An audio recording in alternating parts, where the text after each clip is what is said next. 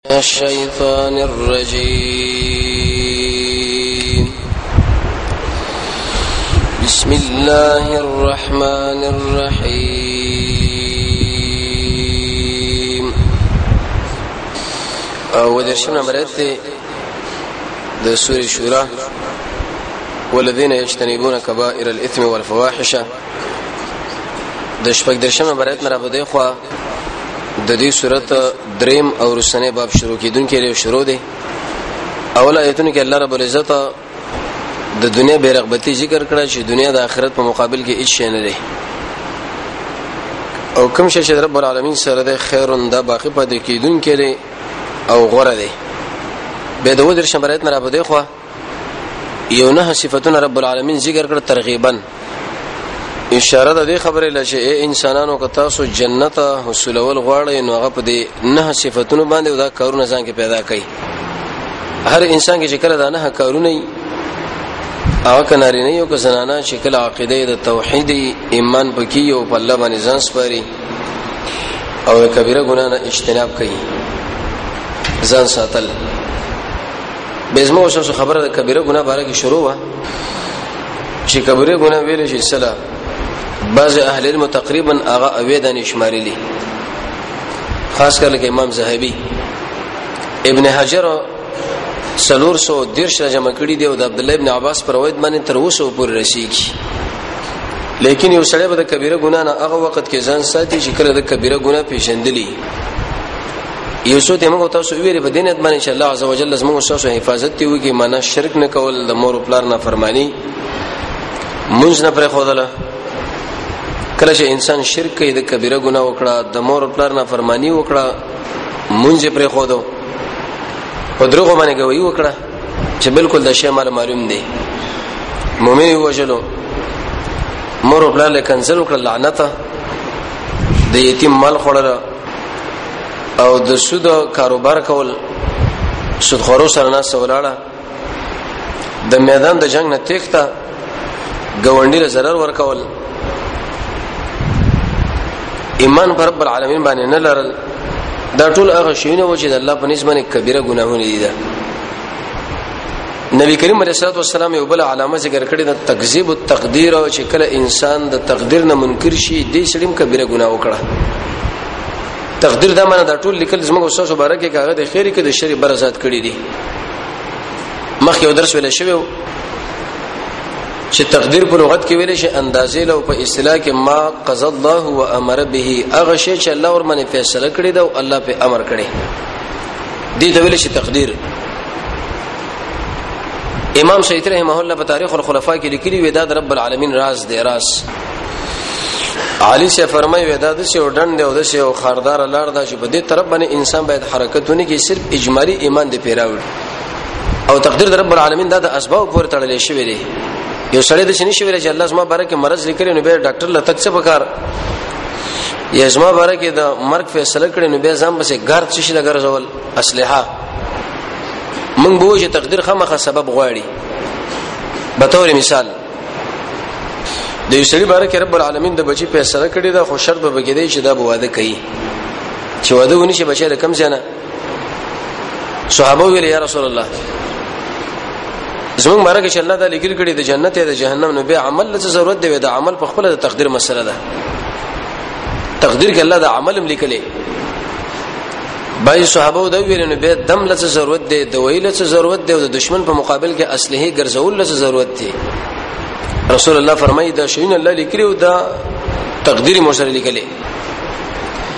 د لیکلي دي کې انسان چرته نه جوړ شو دا دوی استعمال کړه نو الله بدل صحت ورکي زر او کدی سړي ځان سره اسلحه وګرځول کې دي چې دشمن مخې لړونه وزي او کوینه ګرځول کې دي چې غروزي وي وشني ان اسلحه سره نشي بچ کوي هغه زدم عمر زلو شکل شام روانو یو کلی کې تعاون مرز لګیدل وو ملګرو ویل چې ورزو کنه ورزو نو ابو عبیده ابن جراح ورته ویل شي یا امیر المؤمنین ورزو د الله تقدیر نه خو تخت نه د پکار ورزو عمر رضی الله عنه د شی ویل ارمان چې دا خبره بل چا کړی وي ته خو د قران یو ماهر انسان ته څنګه دا خبره کوي مونږ د الله تقدیر نه تختو د الله تقدیر لا عبدالرحمن ابن عوف ویلی رسول الله فرمایلی دی چې کله په ځای کې تعون مرضی ورزی مو چې کله به گیر شي به دې تخت مکوي عمر سے ورته د قسمه مقصد دی بیر تقدیر نه د منکر دل چې رسول الله فرمایي کبیره ګناه ده چې اول د انکار کړی د معبد الجهنی په نامه باندې وسړیو صحابه باغ باندې رد وکي کله به داغه دا عقیده و چې الله لیکل نه دی کړی او کله به ویل چې نه ام دا وسر سلیکی شیخ الاسلام ابن تیمیه رحمه الله الاستقامه او مجموعه الفتاوا کې د دې خلکو درې اقسام ذکر کړی دي رسول الله فرمای د تقدیر نه انکار دا کبیره ګناه ده هغه وی بعض خلک د شي دي چې هغه وی د خیر مالک الله او د شر مالک شیطان ویزګه که د شر مالک شر ده شي نو بیا به زموږ د الله به د بیرش بعض خلک دا وایي چې نه موږ نو امید یو چې الله زموږ باره کې د جهنم فیصله کړي نو بیا عبادت لسه ضرورت او څوک وینا چې دا ټول کارونه ابلیس کوي د اهل سنت والجماعت عقیده دا ده چې خیر دی او که شر دی د دې ټولو پیدا کونکي رب العالمین دی کاسب د دې شر هغه بندره فیدا وبدي کې دی چې رسول الله دومره ترکیز پې کړی دی انسان بد الله په علم باندې عقیده لري چې زمونږ الله ډېر اوچت عالم دی قدرت د الله به مني چې موږ پیدا کړی نه اوس موږ باره کې نقشه لیکلې ده څومره قدرت والا ذات دی او د شام باره کې بشر د کفر فتوا نه کوي اسنه کاغه چر د مسلمان شي یا مسلمان وی ګننګاری او تو ورته وی کافر ځان لې دا خبره متوجه کړه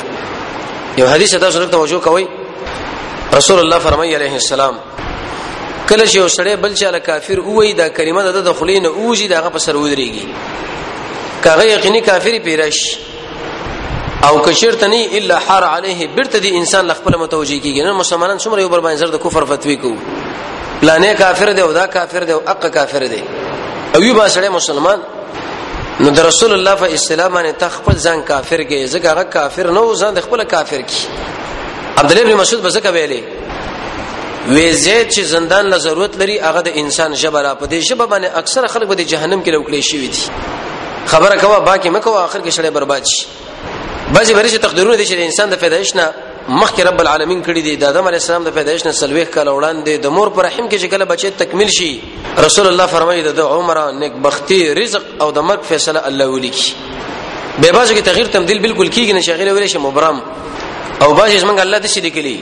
کله پلاني سړي دا کارو کې نو دا معاملې بد شي شو کده شي وکړي نو به بد شي دغه به تغییر تبديل کیدی شي د سی به منو چې عالم الله قدرت والا هغه دا کار دغه په امر باندې کیږي او په اجازه لیکل هغه کړی دی او زمونږ الله په دې کې ظلم نه دی کړی نو رسول الله فرمایي چې کبیره ګناه په ګناهونو کې دا دا چې یو سړی د تقدیر نه تکذیب وکي وای وای چې شته دی نه یا الله پکې نعوذ بالله من ذلک ظلم کړي لکه ډېر خلکو لزین کې دا سوال دی د یو کافر باره کې چې الله کافر ولي کو نو به ولي جهنم لبوزي به که جهنم لجنه دا خو ملامت نه دی ملامت خو به بل مسله ده الله د احمد باره کې جهنم لیکلی نو بیا کدا احمد څومره عمل وکړي دا جنت لنی شتلې جواب داري زمنګ الله تعالی نیک او بد لار خو درې دا او دی ورته ویلي دي چې چرته بد نیک لار باندې لار جنت او کبه بد لار باندې لار جهنم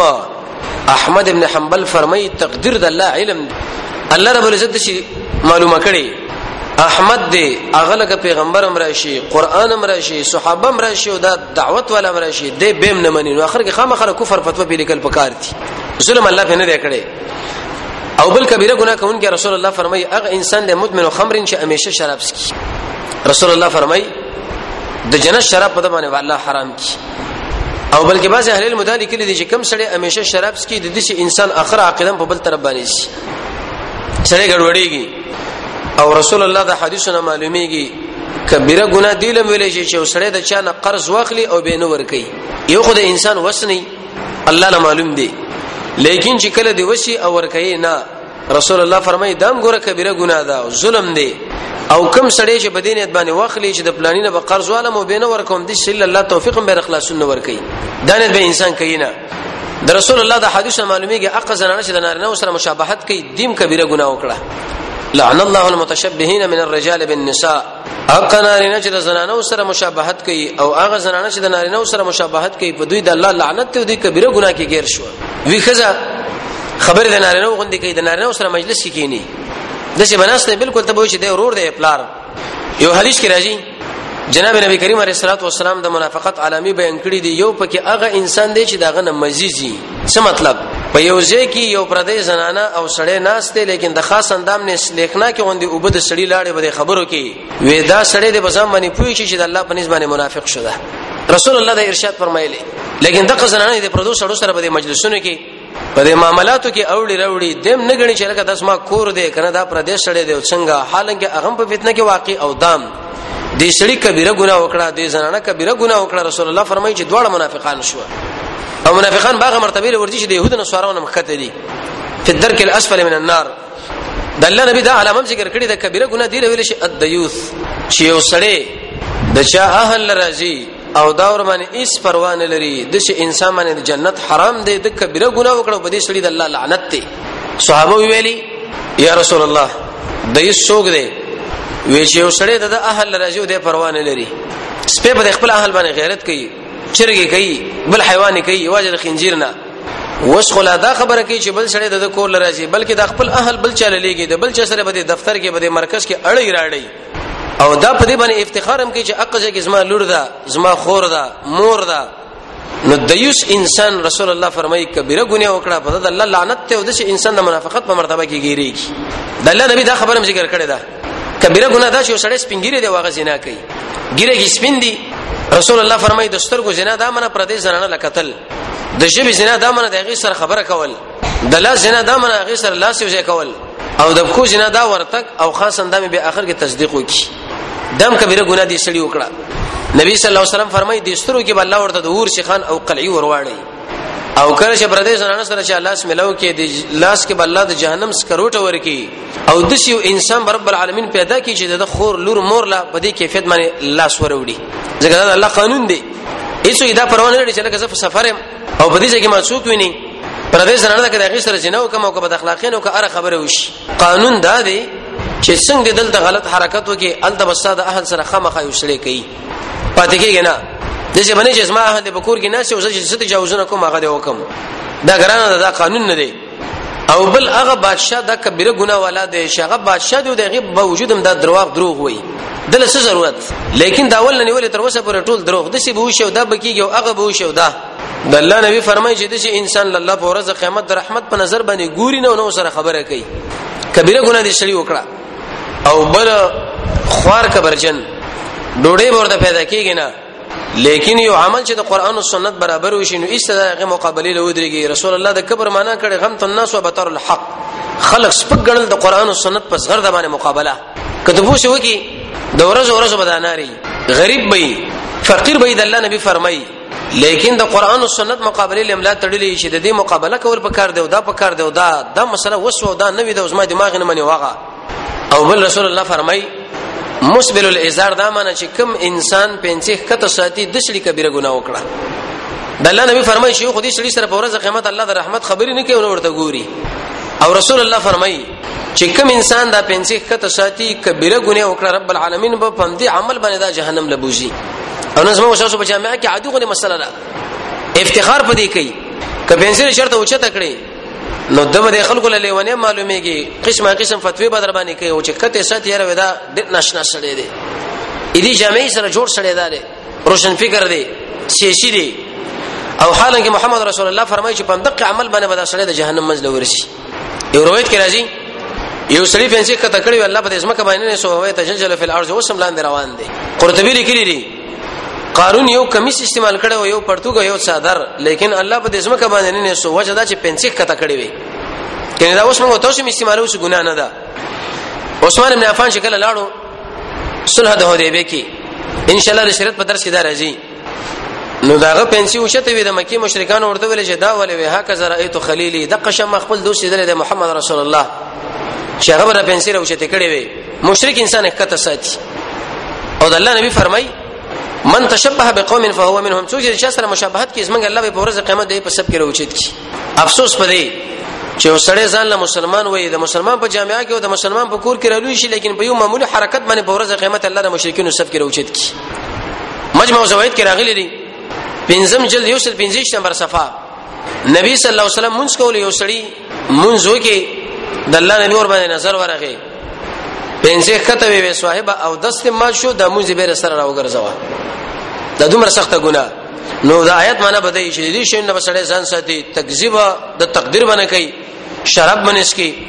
قرض په دینت باندې نخلی شي به نه دا کوم زنانه بل سره سره مشابهت نه کوي د یستوب باندې کوي چې د اهل لسوک راضي پروین لري